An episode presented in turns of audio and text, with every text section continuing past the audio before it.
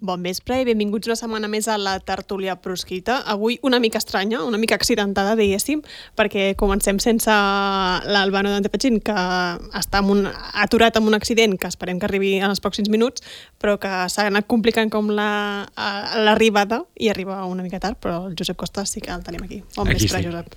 Bon vespre. Eh, haurem de començar tu i jo, però tinc un convidat que ens ajudarà a fer-ho millor tot plegat. Eh, si et sembla, comencem. Endavant.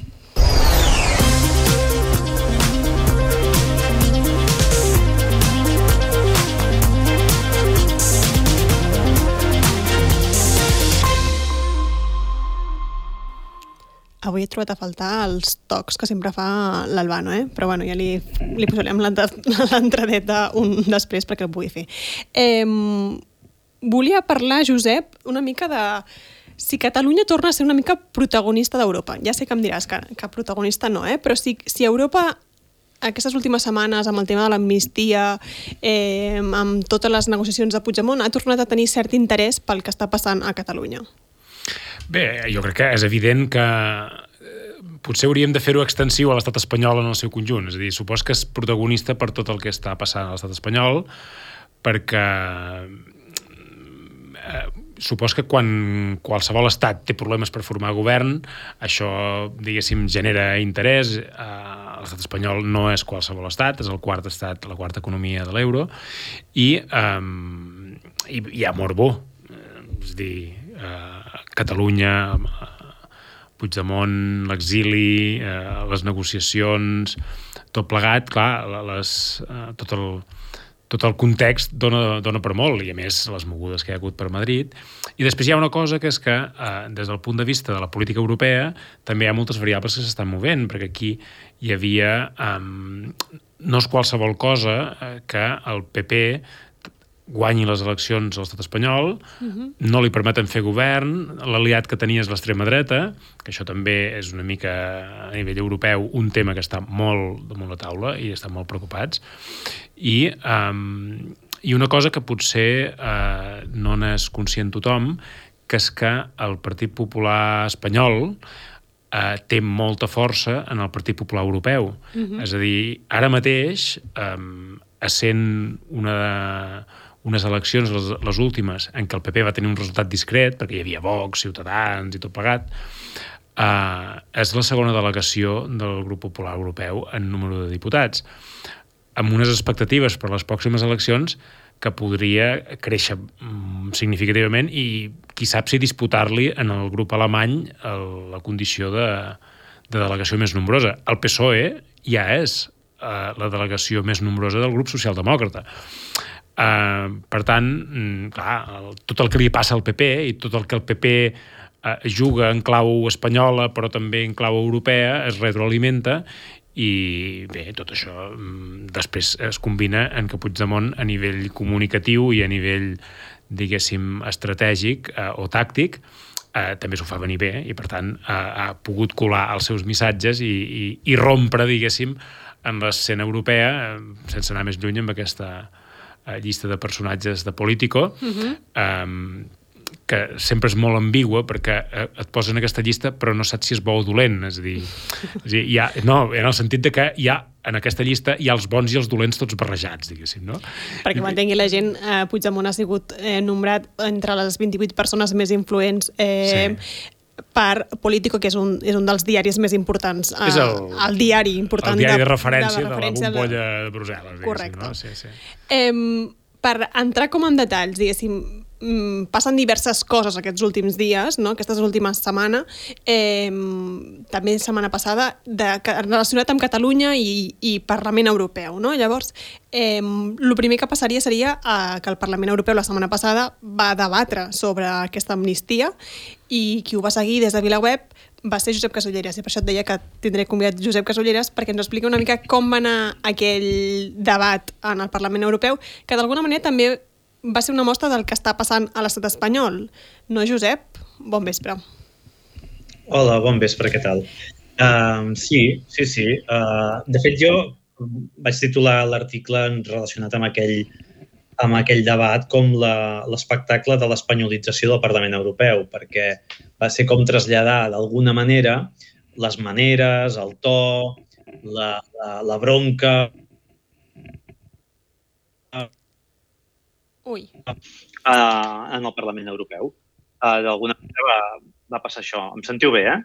S'ha anat un moment, però t'hem recuperat, sí. Val, val.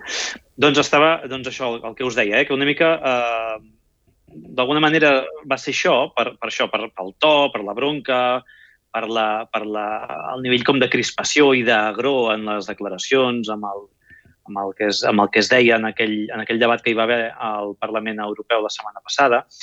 Però també cal dir que en aquell debat, a veure, no hi, va, no hi havia eh, en el ple d'Estrasburg, és, és, és immensa la sala plenària, no hi havia gaire eurodiputats allà. Eh? Hi havia els, eh, els qui havien de parlar per, per part de cada grup i poca cosa més. Eh? Hi havia una cinquantena tot estirar d'eurodiputats. Per tant, a veure, tampoc és que generés un interès eh, molt gran, enorme, eh, aquell debat eh, des d'un punt de vista de, del conjunt del, del, del plenari d'Estrasburg. De, Però sí que tenia la seva importància i, i era el que era important allà era veure que les principals intervencions i, i les, les més uh, enceses, les, les més fervoroses, les uh, van dur a terme els eurodiputats, sobretot de la dreta, del, del Partit Popular Europeu uh, i també de, de l'extrema dreta, uh, tant els espanyols com els seus aliats uh, uh, polonesos o búlgars, en vam veure també algun, uh, i uh, també el cap del Partit Popular Europeu a l'Eurocambra, uh, el Manfred. No? El que va ser això, un debat que interessa sobretot a aquest espectre, a aquesta part de, de, de, de l'espectre del, del Parlament Europeu, eh, el de la dreta i l'extrema dreta, que, que jo crec que s'inscriu en una cosa que avui també n'hem publicat un article que l'ha signat l'Alexandra Solano, a VilaWeb, que és aquest viratge, aquest eh, interès que té el Partit Popular Europeu per fer un cert viratge cap a la ultradreta i la, la dreta extrema o l'extrema dreta, no? aquests partits eh, més populistes de, de dretes europeus, en clau de les, de les eleccions europees del juny del 2024, d'aquest any vinent. I jo crec que el que es veia sobretot era això. I, eh, i l'amnistia, aquest debat sobre l'amnistia, eh, a nivell europeu té l'interès en, uh, també en, aquesta, en aquest sentit, en aquesta clau, no? de, de com el PP està portant les seves possibles aliances cap a, cap a l'extrema dreta. I l'estat espanyol és un banc de proves amb això, mm. em sembla. I el que es va poder veure en el plenari la setmana passada uh, era sobretot, sobretot això. Eh? Uh, I em sembla que és el, és el context on també cal emmarcar eh, el que està passant aquests dies a nivell europeu és molt interessant, eh, perquè hi havia aquest bloc tan, eh, tan petri, no? aquest, aquest mur que, va, que l'aliança PSOE bé, PSOE, eh, per, eh, grup socialdemòcrata i grup del Partit Popular Europeu havien fet durant tota aquesta legislatura i, i ja venia d'abans i tot, en contra dels interessos de l'independentisme català o del sobiranisme, de, de, de fer de mur, no? De, de no deixar gens d'aire eh, a l'independentisme català dins del Parlament Europeu i a les institucions europees en general. I em sembla que el, el debat sobre l'amnistia també està veient com aquest, aquest uh, mur, aquest bloc, es trenca absolutament, no? I, això no, I aquí això, uh, això no serà interessant veure com, com, com evoluciona això, també. Això anava a preguntar, perquè va haver-hi fins i tot un moment que l'Adrià Vázquez, eurodiputat de Ciutadans, no? eh, li deia, fins fa poques setmanes, la diputada Iratxe Garcia anomenava Carles Puigdemont pròfug de la justícia, Iratxe mm. Garcia és, és dels socialistes, és a dir, que sí que s'ha notat com un canvi per part dels socialistes potser en el Parlament Europeu. Sí, en el Parlament Europeu i en el Parlament bueno, espanyol, eh? perquè fins fa quatre dies... Per suposat, sí, sí, però... Hem de recordar que les eleccions, les eleccions espanyoles, durant, no sé si va ser durant la campanya mateixa, que Pedro Sánchez va dir que la paraula de Puigdemont no valia res, eh, que era paper mullat, la, la paraula de Puigdemont, i, i, i, i, i ja el veiem on, on, on està, eh? ara Pedro Sánchez, i, i, i, el, i la interlocució i la, legitima, i la legitimació que fa de, de Puigdemont com a interlocutor, polític, eh, com a interlocutor polític eh, vàlid. No? I en el Parlament Europeu passa el mateix. O sigui, el fet de veure Iratxe Garcia, que és la cap del grup dels socialdemòcrates eh, en el Parlament Europeu, veure-la primer eh, reunida amb Puigdemont en aquella famosa fotografia on hi ha, en aquella sala on hi havia la, la fotografia gran de, de la urna aquella fotografia prohibida en el Parlament Europeu en l'exposició que van fer sobre Catalunya. No? Veure-la allà, eh, formant part d'aquella instantània, Iratxe Garcia, i veure-la tenint el paper que va tenir en el debat eh, en el Parlament Europeu la setmana passada, defensant la llei d'amnistia, quan Iratxe Garcia és una de les persones que més ha batallat aquests últims anys eh, per eh, intentar deslegitimar la figura del president Carles Puigdemont com a eurodiputat, eh, quan va ser la persona que va llançar els papers a terra eh, en, el, eh, en el despatx de l'expresident eh, David Sassoli, eh, a, a crits, dient no pots fer això a Espanya, no ens pots fer això. Això ho deia Iratxe Garcia a David Sassoli el dia que va reconèixer a Puigdemont, eh, Comín eh, i Oriol Junqueras com a eurodiputats, veure aquest canvi de papers és, uh, és brutal, no? O sigui, aquí, sí, precisament perquè canvi... els, socialistes, els socialistes a Europa, diguéssim, també havien sigut mm, molt més, com has explicat, no? Havien fet com declaracions molt més fortes en alguns moments, no? I per això... Sí, hi ha de tot, eh? Dins del grup socialdemòcrata n'hi ha que havien fet declaracions en sentit contrari. És a dir, mm -hmm. hi ha unes... no és tan monolític com en el Congrés espanyol, o, o el Parlament català, no? que hi ha com una disciplina de grup de que si hi ha una mínima discrepància, llavors allò és una gran crisi.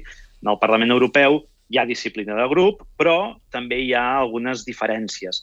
I, de fet, dins eh, hi, hi va haver un moment important eh, en aquesta legislatura que va ser la votació del suplicatori per retirar part de la immunitat al president Puigdemont, a Toni Comín i a Clara Ponsatí perquè poguessin ser perseguits per la justícia espanyola eh, doncs aquella votació que, que la, van, la van perdre o la van guanyar els que, els que eh, demanaven la retirada de la, de la immunitat, però es va fer amb un resultat molt ajustat, molt més ajustat del que es pensaven i el més ajustat a la història dels suplicatoris en el Parlament Europeu. I això va ser perquè dins del grup del, dels socialdemòcrates, en el ple del Parlament Europeu, hi va haver eh, molta gent que va votar en un sentit contrari al que votava Iratxe Garcia en aquell moment. Mm -hmm. Iratxe Garcia va fer mans i mànigues eh, perquè tot el grup socialdemòcrata anés en bloc eh, contra Puigdemont, Comín i Ponsatí, però eh, bé, eh, hi ha sensibilitats diferents i per això deia que quan, si han de passar coses en el futur en relació amb la llei d'amnistia o amb possibles peticions de suplicatori futurs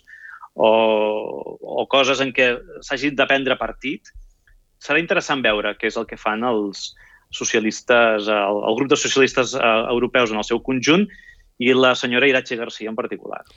Aprofitant que tinc aquí, Josep, et volia preguntar pels funcionaris del Parlament Europeu, perquè la setmana passada treies el tema d'un cas eh, d'un funcionari espanyol al Parlament Europeu que treballa pel, pel PP i que s'ha arribat a manifestar en contra de l'amnistia, sí. cosa que no podria fer tenint el càrrec que té. Eh, això és una cosa que va més enllà d'aquesta aquest, persona, potser dins del Parlament Europeu, mm. quin paper tenen aquests funcionaris espanyols? Mm. Sí, aquest cas concret eh, el vam, ho vam publicar i crec que pot ser un exemplar o pot ser un botó de mostra eh, d'un fenomen que és més estructural, més profund i més gros dins del Parlament Europeu i de, dins de les institucions europees en general, però en el Parlament Europeu en particular, que és la presència de, eh, funcionaris eh, en aquest cas de, espanyols, eh, situats en posicions estratègiques. Eh, estratègiques em refereixo a que eh, tenen responsabilitats eh, importants, que són capaços d'exercir molta pressió en els seus immediats superiors, que són, eh, en aquest cas, el secretari general del Parlament Europeu, que fins i tot té més poder executiu eh, i real eh, que no pas la presidenta Roberta Metsola. No? Eh, doncs eh, el senyor eh, Jesús Gómez Martínez és una d'aquestes persones. Eh? Uh, una de les persones que formen part d'aquesta taranyina uh, d'espanyols uh, en les institucions europees que durant molt temps han fet això, han torpedinat uh, intents o possibles uh, gestos uh, més positius o més en favor de, de les aspiracions catalanes. No? Doncs el senyor Jesús Gómez Martínez és un d'aquests, és ell és cap de la unitat eh, de la Direcció General de Relacions amb els Parlaments Nacionals i el seu superior és el senyor Antonio Chochetti, que és el, el secretari general del Parlament Europeu. Uh, el Jesús Gómez uh, té una responsabilitat molt important uh, dins de l'organigrama del Parlament Europeu. I ell uh, participava el 12 de novembre passat en una concentració que es va fer davant del Parlament Europeu eh, en contra de l'amnistia. Eh, era el dia que el PP va convocar a tot l'estat espanyol concentracions contra la llei d'amnistia i el Parlament Europeu hi va haver la rèplica també amb aquesta concentració. Uh, ell era en aquella concentració, no només hi era, sinó que hi era al capdavant, era en primera fila i portava la batuta una mica d'aquella concentració. I ho feia al costat de la Dolors Montserrat, eurodiputada del Partit Popular. Per tant, tenia una posició preeminent allà. Eh?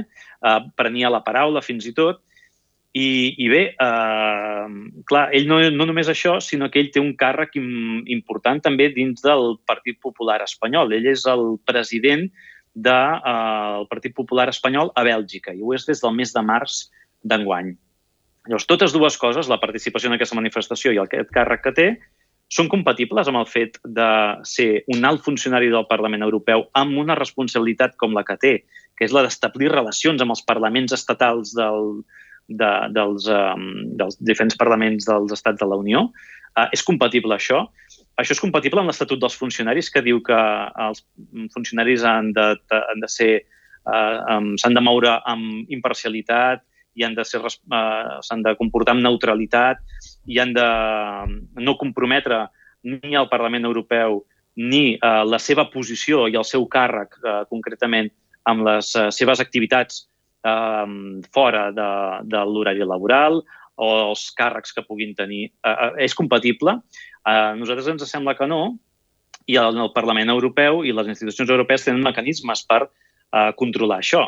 Llavors, nosaltres el que vam fer és mm, donar fe d'aquest fet i preguntar, demanar si aquest senyor havia tingut l'autorització corresponent eh, per poder mm, fer tot això. -huh. El Parlament Europeu no ens va voler respondre sobre casos concrets i, de fet, no hi ha cap eh, oficina de transparència al Parlament Europeu en què tu puguis exigir l'expedient d'aquest senyor si efectivament va tenir l'autorització deguda o no. Eh, ell ens va respondre que no li feia falta cap autorització per ser president del Partit Popular a Bèlgica. Eh, en canvi, Antonio Ciochetti, el secretari general del Parlament Europeu, va respondre a Puigdemont i a Comín que van traslladar una carta eh, eh, queixant-se d'aquesta situació, d'aquesta qüestió en concret, eh, va respondre que tenia l'autorització corresponent. Doncs, qui menteix aquí? Uh -huh. El senyor Gómez Martínez eh, ens deia que no li calia autorització. El senyor Giusetti deia que tenia l'autorització corresponent. Doncs aquí hi ha alguna cosa que falla. Hi ha una opacitat també en relació amb això. I el senyor Xochetti i el senyor Gómez Martínez formaven part del mateix eh, grup eh, del mateix color polític, no? del Partit Popular Europeu. I entenem que aquí el que es fan és protegir-se els uns als altres i, i, i ja està. No? I, I difícilment sortirem d'aquí, en aquest cas concret. Però el que és important, em sembla, és assenyalar aquestes qüestions eh, i aquestes, eh, la facilitat que hi ha perquè s'estableixin aquest tipus d'afinitats ideològiques i de uh, i, i de situacions d'impunitat, també, uh -huh. per, per fer i desfer uh, com vulguin, quan, es, quan s'és d'una ideologia concreta, perquè durant tot aquest temps els funcionaris europeus de sensibilitat i d'ideologia independentista han hagut de callar i han hagut d'autocensurar-se moltes vegades per no rebre represàlies o, uh, i, i em sembla que és una situació que és el tot, totalment contrària de la que hem estat explicant amb el cas d'aquest senyor, eh, del senyor Gómez Martínez. Perfecte, Josep. Doncs moltíssimes gràcies per posar-nos en el context. I fins la pròxima. Molt agraït a vosaltres. Que vagi bé, eh? Adéu. Eh, ja tenim aquí uh, Albano Dante Fachin. Bon vespre. Hola, Txell, què tal? Què, quan, quin accident, accident has trobat? Bo, uh, de Tarragona cap a Barcelona. No sabria el punt quilomètric exactament, eh, però, en fi, ja estem aquí. Doncs benvingut a la tertúlia. Estàvem parlant d'Europa no? i de tot el mm. que estava explicant uh, el Josep, de com està sortint Catalunya en, en els temes que surten a, dins del Parlament Europeu, no, d'alguna manera, i abans el Josep ho deia també, aquesta setmana hi ha hagut una altra cosa, que és eh, que Carles Puigdemont ha estat nombrat entre les 28 persones més influents per Político, i això acabava suposant una altra polèmica, diguéssim, dins, de, dins del, del Parlament Europeu, i era que Carles Puigdemont en aquesta acte que es feia després de saber-se aquests 28 més influents es trobava amb Weber, el líder del PP europeu, que també era un dels altres nomenats com més influents, i quan es trobaven eh, davant dels periodistes, sense amagar-se de res, tenint una conversa que acabava sent un pèl polèmica, Josep, no? perquè és, eh, venia a dir eh, que, que, bueno, que, que podria fer una moció de censura amb el Partit Popular si fos necessari perquè si Sánchez no complia amb l'acord d'investidura.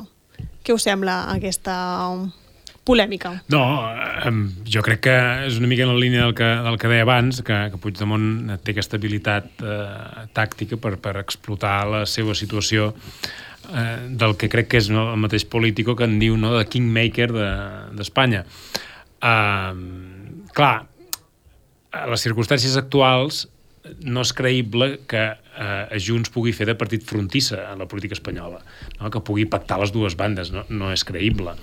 Uh, jo, tal com ho vaig entendre, uh, li estava dient...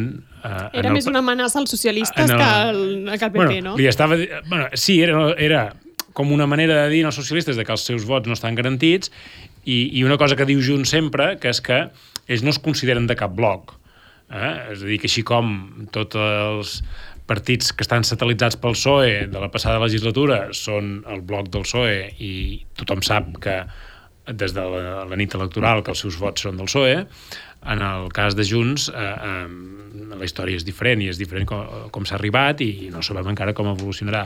En tot cas, jo crec que la, la, la gràcia és eh, també com li diu en el president del Partit Popular Europeu que eh, si el Partit Popular Espanyol no fos el Partit Popular Espanyol es podien entendre.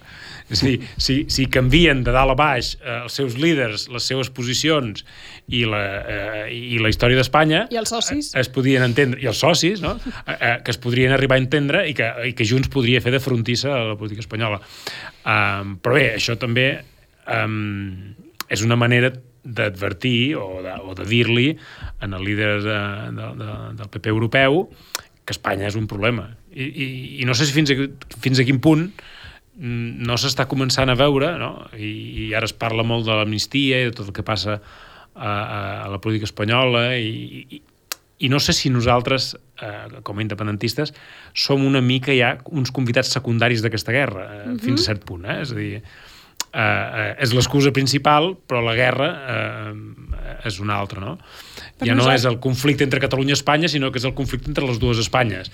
I aquí, el, com deia abans, el, el PP europeu hi té un interès fonamental, que és que el PP espanyol és un grup molt poderós a l'alça, eh, que està creixent eh, per les pròximes eleccions europees. Per tant, que el PP europeu cuidi i, diguéssim, ajudi en tot el que pugui el, el seu aliat espanyol té tot el sentit estratègic des del punt de vista del PP europeu. Uh, una, una altra cosa és que, evidentment, la rèmora que arrossega amb tots els pactes amb Vox, etc.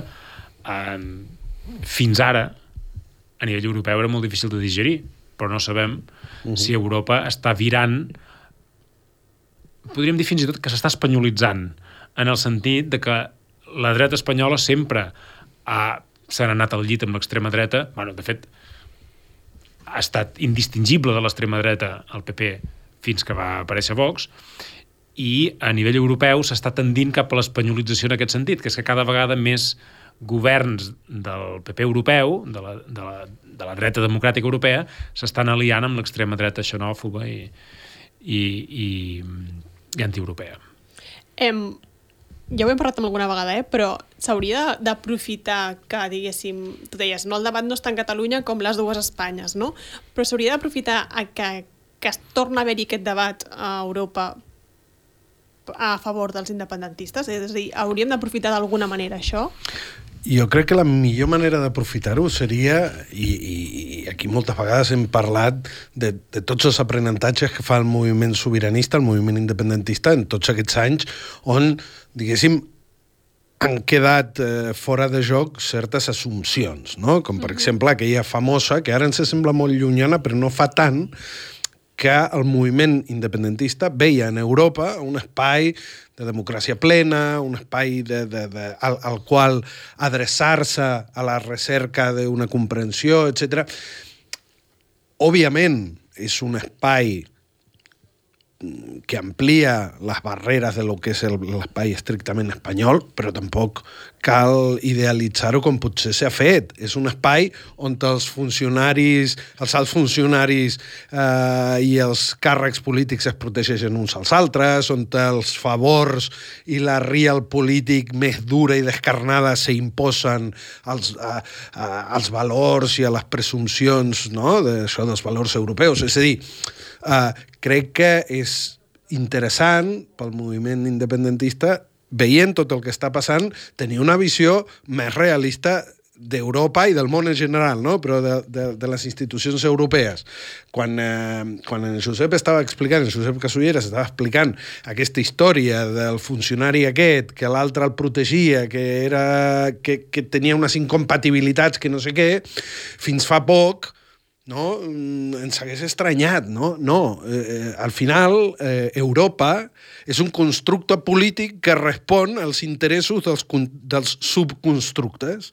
I, per tant, eh, si eh, Europa està feta d'Espanya, eh, de l'Espanya del PP, i Europa està feta de la Itàlia de Meloni, i Europa està feta de la França de Macron i de Le Pen, pues Europa no podem esperar que sigui un, un espai eh, virginal, no? I, i, I crec que és important que ho tinguem en compte. I, i crec que hem fet un avenç. Dit Però això... Dreta.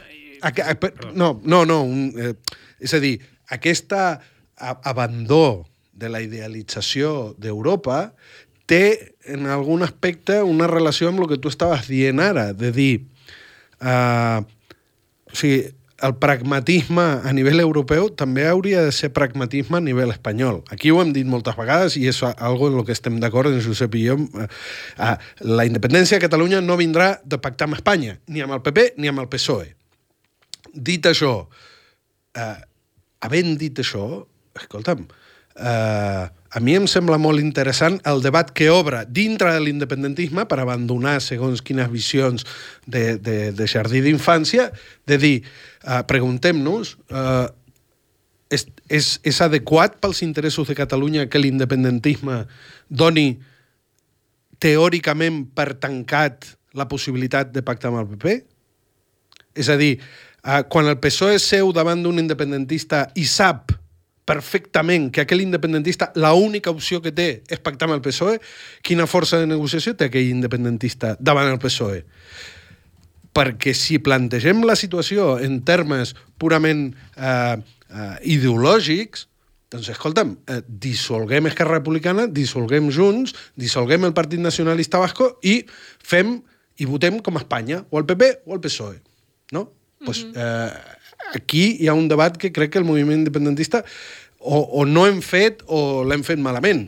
Òbviament, eh, farem tot el possible per fer... La gent que en Catalunya ens considerem d'esquerra hauríem de fer tot el possible per impedir que la dreta governi Espanya però no més que tot el possible que hem de fer perquè eh, la dreta governi a França o a Japó. I a partir d'aquí, com que no hi ha cap problema per Podemos i per el... Perdó que m'estic alargant i acabo. Per Podemos i per al PSOE no hi ha cap problema en establir relacions profundes, directes, econòmiques i polítiques amb un senyor de dretes com Macron. Eh que no hi ha cap problema? El PSOE... Bueno, amb la Meloni són molt amiguets. Amb la Meloni són molt amiguets.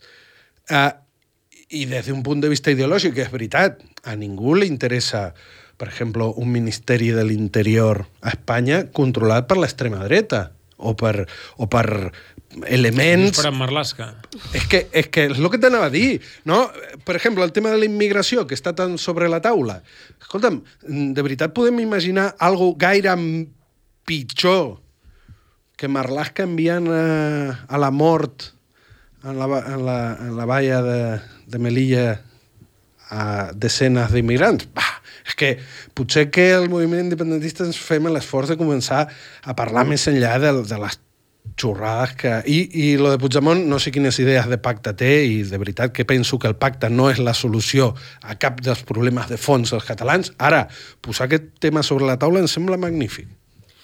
No, jo crec que aquí hi ha una, hi ha una contradicció. Uh, uh, crec que ja ho hem comentat alguna vegada que uh, a nivell discursiu eh, hi ha un problema entre eh, defensar que has fet un molt bon pacte amb el PSOE i eh, defensar que aquest pacte ha servit per generar el caos a Espanya. No? És a dir, perquè si hi ha caos a Espanya no es complirà el pacte. Per tant, has de triar si vols que el pacte es compleixi o si vols que Espanya hi hagi caos. Les dues coses no poden ser. Uh, I amb uh, el tema dels pactes amb el PSOE i el PP és una mica... També hi ha uh, aquesta contra contradicció discursiva. És a dir, has pactat amb el PSOE perquè no et pots permetre un govern de PP i Vox? És a dir, l'independentisme dona suport al PSOE per evitar un govern de, P, de PP i Vox, perquè si repetíem les eleccions hi havia el perill de que hi hagués un govern de PP i Vox, és aquest el motiu per donar suport al PSOE? Uh, o, aleshores, uh, si és així, no pots dir que permetràs que governi el PP. És a dir, és, o és un argument o és l'altre. Uh, clar, aquest és el, són les tensions discursives que jo veig amb la, amb la gent que defensa aquests pactes. I, de fet, la, durant molt de temps el que es defensava és que el que havia de fer l'independentisme és fer ingovernable a Espanya, no fer-la governable. Per tant, si ens estem plantejant fer pactar amb uns i amb els altres, al final el que vas parlant és amb qui governes, no fer-la ingovernable. Bueno, fas de frontissa, és el que deia abans, és dir, acabes fent de partit frontissa. És dir, jo crec que l'independentisme eh, feia de frontissa espanyola eh, quan no era independentisme. És a dir, Convergència i Unió feia de partit frontís a Espanya en algun moment històric. Però, clar, després de l'1 d'octubre, a mi em resulta eh, absolutament eh, no sé, estrany, eh, bueno, inèdit, eh, impensable, que el paper de l'independentisme sigui fer de frontissa eh, entre els partits espanyols. Bueno, justament quan, eh, quan eh, Jordi Pujol eh, tant pactava amb el PP com pactava amb el PSOE en funció d'uns interessos superiors, o segons la lògica aquesta, no? E, era justament quan el moment més àlgid de l'autonomisme. És a dir, l'autonomisme, una de les seves potes principals és eh, fer aquesta, aquesta funció de frontissa en, en el sistema polític espanyol l'independentisme justament és dir això s'ha acabat. És a dir, uh, renunciem, deixem enrere això. Això que sembla que està vinguent és el que en teoria l'independentisme diu prou que jo sempre ho comparo amb, amb, el, amb el 15M, que deia uh, uh, hi ha tota una part de la població que diu escolta'm, aquesta batalleta de PP i PSOE no ens la creiem més. I surt la gent del 15M a les places espanyoles i diu PP i PSOE és el mateix. L'independentisme neix d'una reflexió similar, de dir mm, cap dels dos serà la solució de fons als nostres problemes que tant el 15M com l'independentisme, les seves representacions polítiques, hagin tornat a intentar aquesta via, pues potser ve de que les altres vies no han donat resultat. Ni la via del 15M de canviar i tenir una democràcia real ja, ni la de la independència. Ara, jo vull pensar que la gent que es va creure en el seu moment tant la possibilitat a Espanya de fer una, una, una neteja democràtica, pues, algú deu quedar amb ganes de lluitar per aquella neteja. Jo vull pensar que aquí a Catalunya queda molta gent que mentre a nivell institucional s'està pues, desenvolupant, diguéssim, aquest retorn a l'estructura general del règim del 78, que queda prou gent a Catalunya amb ganes de, de dir no, no, busquem la manera de no tornar allà, no? Jo crec que la diferència entre el 15M i l'independentisme és que el 15M no va assumir no va assolir, perdó, l'hegemonia a Espanya i l'independentisme va assolir l'hegemonia a Catalunya. I, per tant, mm, no, hauria de fàcil. ser, no hauria de ser uh, el mateix futur pel 15M i per l'independentisme. Hauria de ser un futur diferent, perquè si tu has Millor assolit... L'independentisme hauria de tenir un futur més prometedor que el 15M, des del punt de vista de que sí que va assolir una hegemonia social.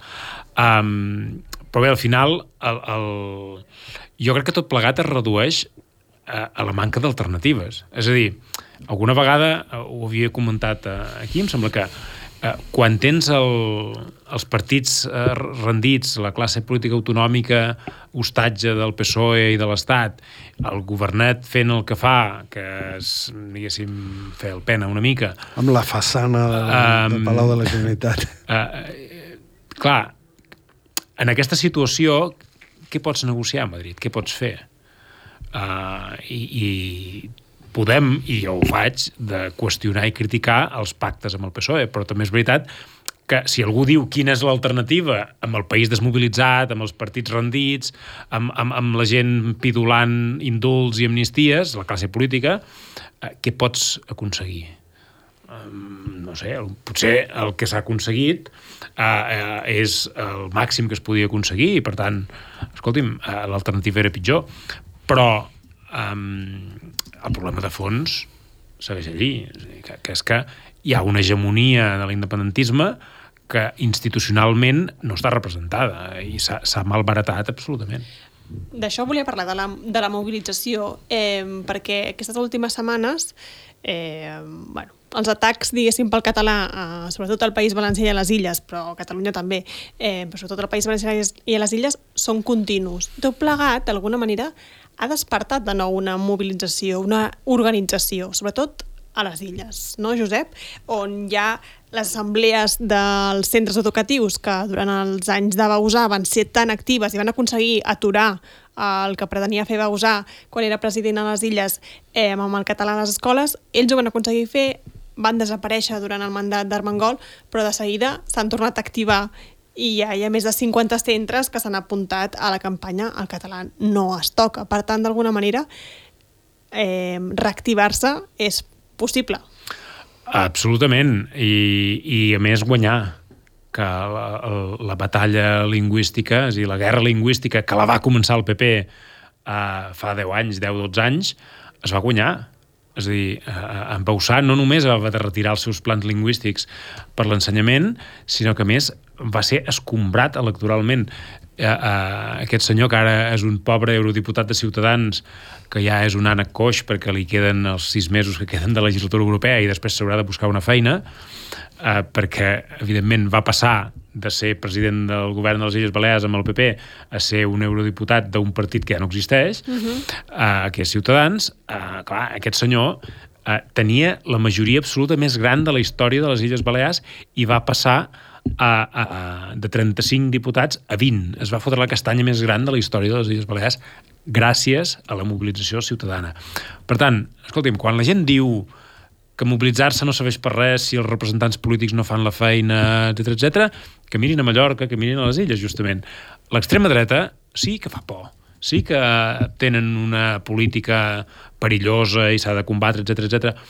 però no és la fi del món quan arriben al govern si tens capacitat de resistència al carrer i, el, i, el, i en aquest cas amb el tema de la llengua, el sector educatiu, etc, eh, no està tot perdut.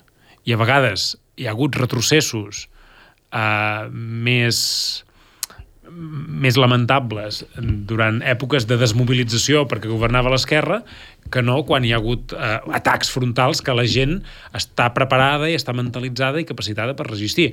I aquí, al Principat, el problema segurament és que no hi ha aquesta resistència, no hi ha aquesta, aquest teixit eh, activista que hi ha, eh, no? que està ressorgint a Mallorca i a les illes en general per resistir contra, contra els atacs a la llengua i contra els atacs al país. Aquest és el problema, que d'alguna manera encara ho tenim tot eh, diguéssim, supeditat a la classe política i que tot ho han de resoldre els polítics i s'ha imposat, i això és una cosa que jo la, la, sempre la, la intent qüestionar i crec que és molt important fer-ho que és aquesta idea de que mobilitzar-se no serveix per res perquè el que importa és el que fan els polítics i que mobilitzar-se només serveix per pressionar els polítics i que si els polítics no ho fan bé, aleshores no serveix per res mobilitzar-se. Aquest discurs que ha calat molt també amb les bases independentistes l'hem de foragitar completament. I anava a dir, eh, fins a quin punt els vuit anys d'aquests governs processistes, perquè això també ha passat al País Valencià, que durant molts anys eh, Escola Valenciana, per exemple, era molt activa i durant aquests últims anys se'ls ha, vist molt se'ls ha vist molt menys. Fins a quin punt aquests vuit anys d'aquests governs progressistes van fer cert mal amb, aquest, amb aquestes mobilitzacions? Perquè no, no manifestar-se contra els teus costa més. Bueno, aquí jo crec que també hi ha un problema amb, amb des del progressisme o des de l'independentisme, diguem, um, quan tu apel·les com a motor polític a la por, a la por de que vingui el PP, a la por que vingui...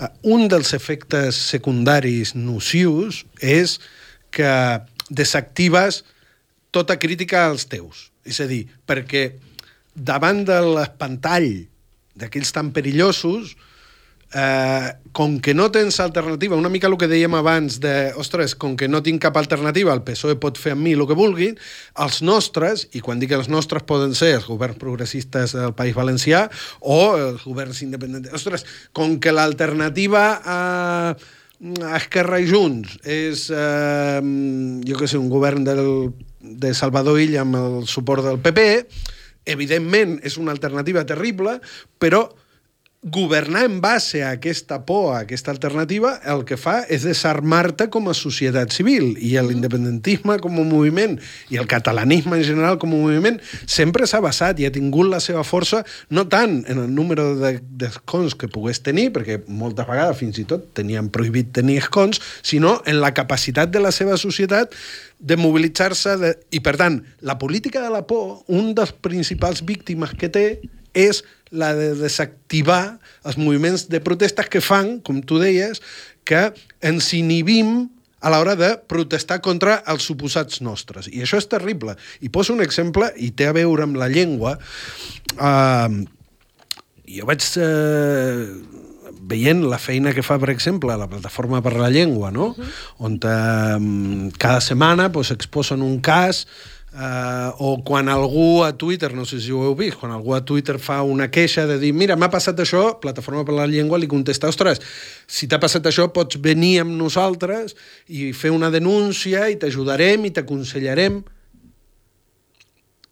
Primer, quina sort tenir Plataforma per la Llengua. Dit això, quin missatge estan enviant els governs? Que quan la vulneració d'un dret fonamental com és els drets, com són els drets lingüístics, no sé si són fonamentals des d'un punt de vista des d'un punt de vista tècnic, però un dret molt important des d'un punt de vista lingüístic. Um, com és que cal recórrer una ONG, que per sort la tenim, eh? però on està el, la Generalitat? On està actuant d'ofici la Generalitat per protegir els drets dels Home. catalanoparlants. I qui diu dels catalanoparlants diu dels usuaris de la sanitat pública, diu de, de, de, de l'accés a l'habitatge, diu d'un munt de coses que al final... Escolta'm, eh, llavors per què anem a votar un govern independentista? Només perquè no vingui Salvador Illa? Però la gràcia de que no vingui Salvador Illa és que hi hagi algú al poder que sí estigui defensant els meus drets. Per què jo sento més a prop a la plataforma per la llengua en la defensa del català que el govern de la Generalitat de Catalunya. S'han dit ara, m'ha vingut el, un dels últims casos que denuncia Plataforma, no? que és el d'Amazon, que li va dir a una persona que volia posar una denúncia eh, per un problema que havia tingut, li va dir ha de ser espanyol, et demanaria que resolguessis els problemes si tornessis a compartir amb nosaltres la, la denúncia policial, és a dir, la denúncia policial que havia presentat aquesta persona era en català, perquè l'havien fet els Mossos i li reclamaven que fos en, en, en espanyol. La Generalitat demà mateix ha de fer tot el que estigui a les seves mans per fotre Amazon. I si no ho pot fer perquè no, la llei ho contempla, que no sé què, doncs poses un eh, control dels Mossos d'Esquadra a demanar els papers i les cartilles de transport de tots els transportistes que surten dels centres logístics d'Amazon. Ah, se siente. O sigui, s'ha de ser més cabron. Per això el Partit Popular Europeu té funcionaris en el Parlament Europeu que fan el que els hi surt dels collons. Per què? Perquè saben exercir el poder. On està la Generalitat? Vull una Generalitat de Catalunya que matxaqui a Amazon, que enviï 25.000 inspectors a veure si les sortides de fum o, o les caigudes de l'aigua de pluja estan ben posades o no. I si no estan ben posades, que tanquin la planta. O sigui, que exerceixin el poder que li donen als ciutadans. O si no, escolta'm, que, ara, que... Has, ara has nomenat la clau que justament ahir a la xerrada que vam fer a Tàrrega va sortir el tema. És a dir, al final, un dels problemes bàsics que ha tingut l'independentisme des del 2017 fins avui i que resol la pregunta en part, un, no? resol uh, un dels dubtes i una part de la pregunta de com es fa la independència és exercint el poder és tenint ambició i capacitat i habilitat i competència per exercir el poder. Que no... no uh, exercir, molesti. exercir el poder no és tenir quota de pantalla. És a dir, jo crec que ara mateix tenim un governet que l'única faceta d'exercir el poder que, que sap exercir és mm, preservar la seva quota de pantalla. És a dir, sortir al TN cada dia. No és anar a Corea a fer-se fotos, llavors, no? clar, exercir el poder no és ben bé això. No? És a dir, però, però que, que clar, que Exercir- sembla, que ser, sembla ser que l'únic pel que estan preparats i preocupats és preservar la seva quota de pantalla, però exercir el poder és molt més que això. Ja. Suposo que s'ha imposat, diguéssim, els criteris... Abans deia lo de, la, lo de la façana del Palau de la Generalitat, que l'han decorat com si fos el Mediamarkt o el Corte Inglés, no sé si... Bueno, si, Uns grans magatzems. uns grans magatzems qualsevols, qualsevols, i a més dels, dels, dels més cutres. Vull dir que... Um, això ho deia perquè... Ah, aquest, aquests assessors que assessoren això pues són els mateixos que assessoren la quota de pantalla. Per què? Perquè la visió o el, la consciència política és, té només a veure amb quedar bé, amb sortir molt per la, per la tele, encara que sigui per no res, per què? Perquè es considera que la gent pues, acabarà votant la cara bonica que surt per la pantalla. Llavors, no veuen la necessitat de dotar de contingut polític les decisions. Per què? Perquè si et fots en Amazon, tens un problema.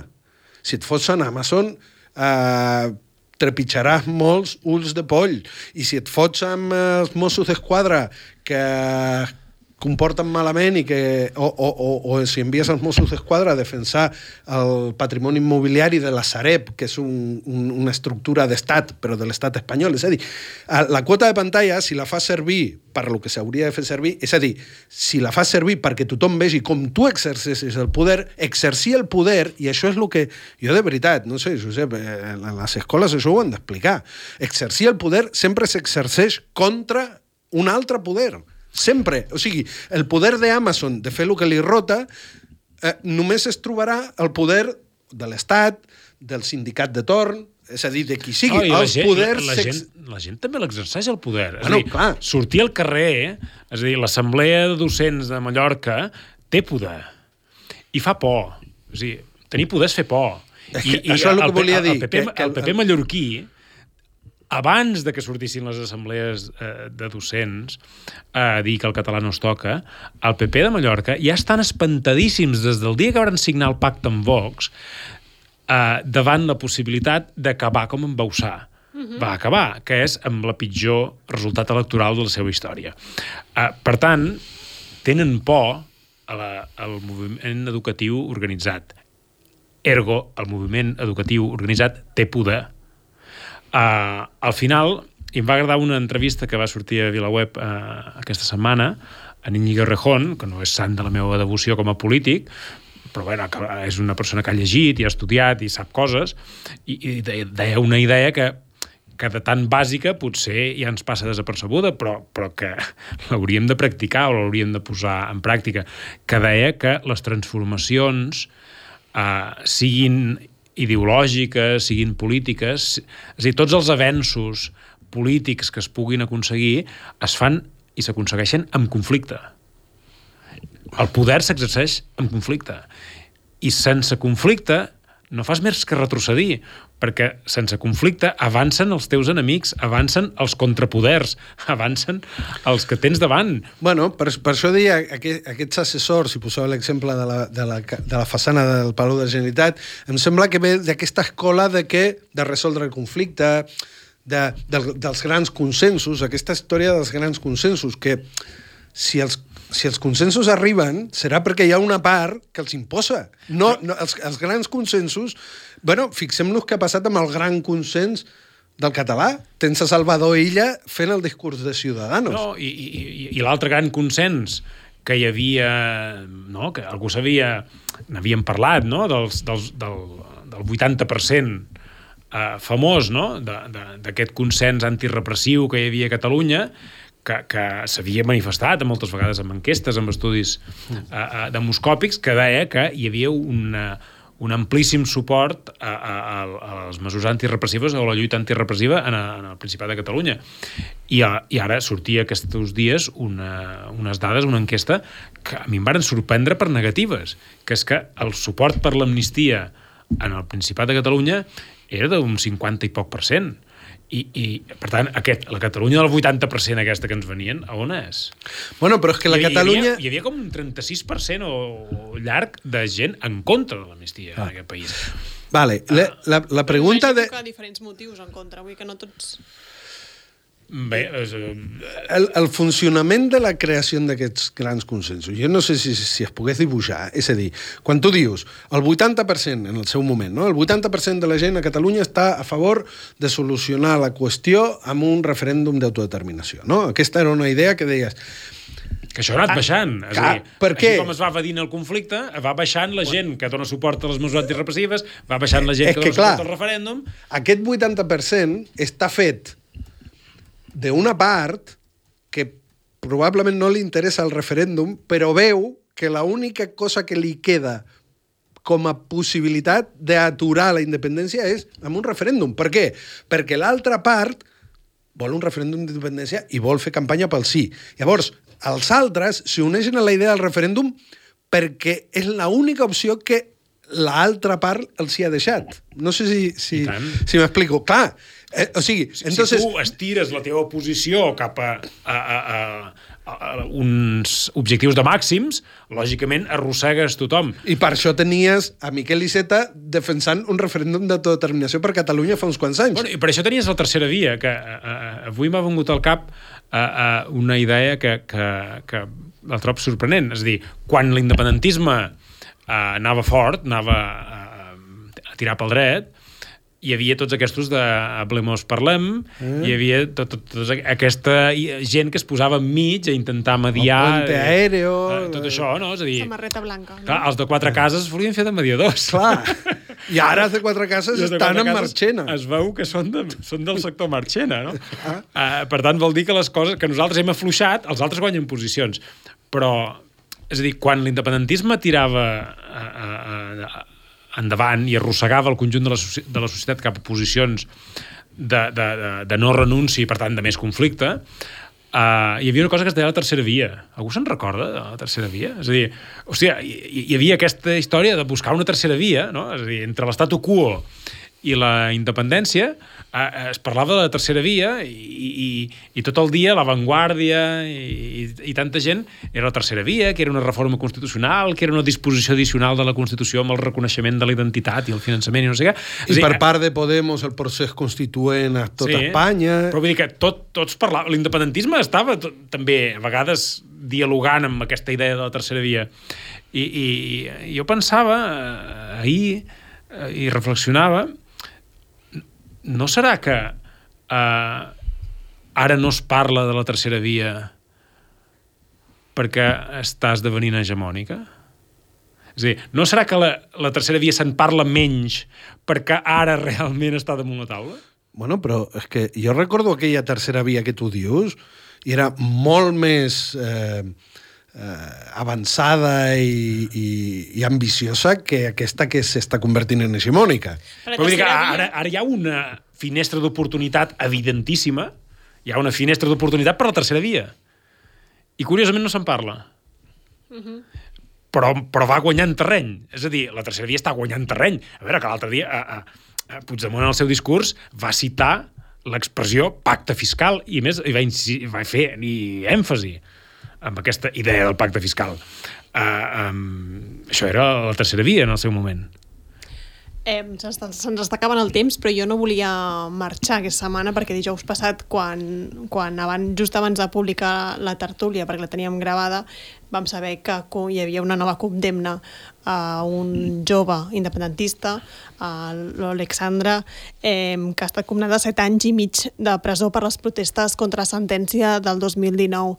Eh, justament la setmana passada parlàvem, no? que calia tenir memòria, que calia saber que la repressió hi continuava sent malgrat l'amnistia, que per molts, que segurament ella acabarà amnistiat, no? però que continuïn els jutges condemnant d'aquesta manera tan forta, doncs hem, hem de fer cas. I aquesta setmana m'ha sorprès el, el silenci. Les poques mostres de suport que ha tingut aquest noi. Perquè l'amnistia es dona per descomptada i no hi ha pla B. És a dir, el drama és aquest, que és que ja no hi ha pla B. O l'amnistia surt bé, o ja podem resar. Perquè el, no, també hi ha les detingudes del 23S, uh -huh. que els demanen 27 anys de presó.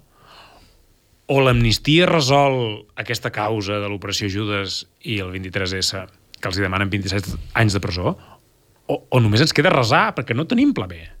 Bueno, el pla B serà el que tu deies abans, tornar a reconstruir la mobilització en l'àmbit antirepressió, en l'àmbit de la llengua, en l'àmbit dels trens, en l'àmbit de tot, i, i, i tornar-hi. No? Al final, tornar-ho a fer eh, potser haurà de ser això, tornar a reconèixer com a societat civil mobilitzada que marca el pas al nostre país. Hem de pensar que en els últims anys, eh, de tots els joves d'Urquinaona, de, de les protestes amb Pablo Hasél, etc etc etc. En el moment de més tensió política que és eh, justament mentre hi ha Urquinaona en marxa, van arribar a tenir una, unes quantes persones a la presó, en presó preventiva, però en seguida els van deixar sortir. I hem viscut durant una època de, de, de, de relativa pau que no s'han atrevit a tancar ningú a la presó, del jovent aquest de Urquinaona.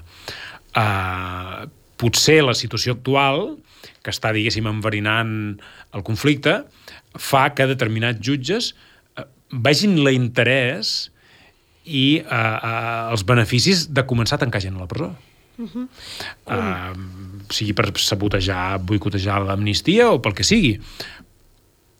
I, per tant, ja ens podem calçar si l'amnistia no funciona. Uh -huh. Comença una guerra judicial, segurament, però això ja no podrem parlar uh, avui, sinó la setmana que ve, si de cas. Fins la setmana que ve.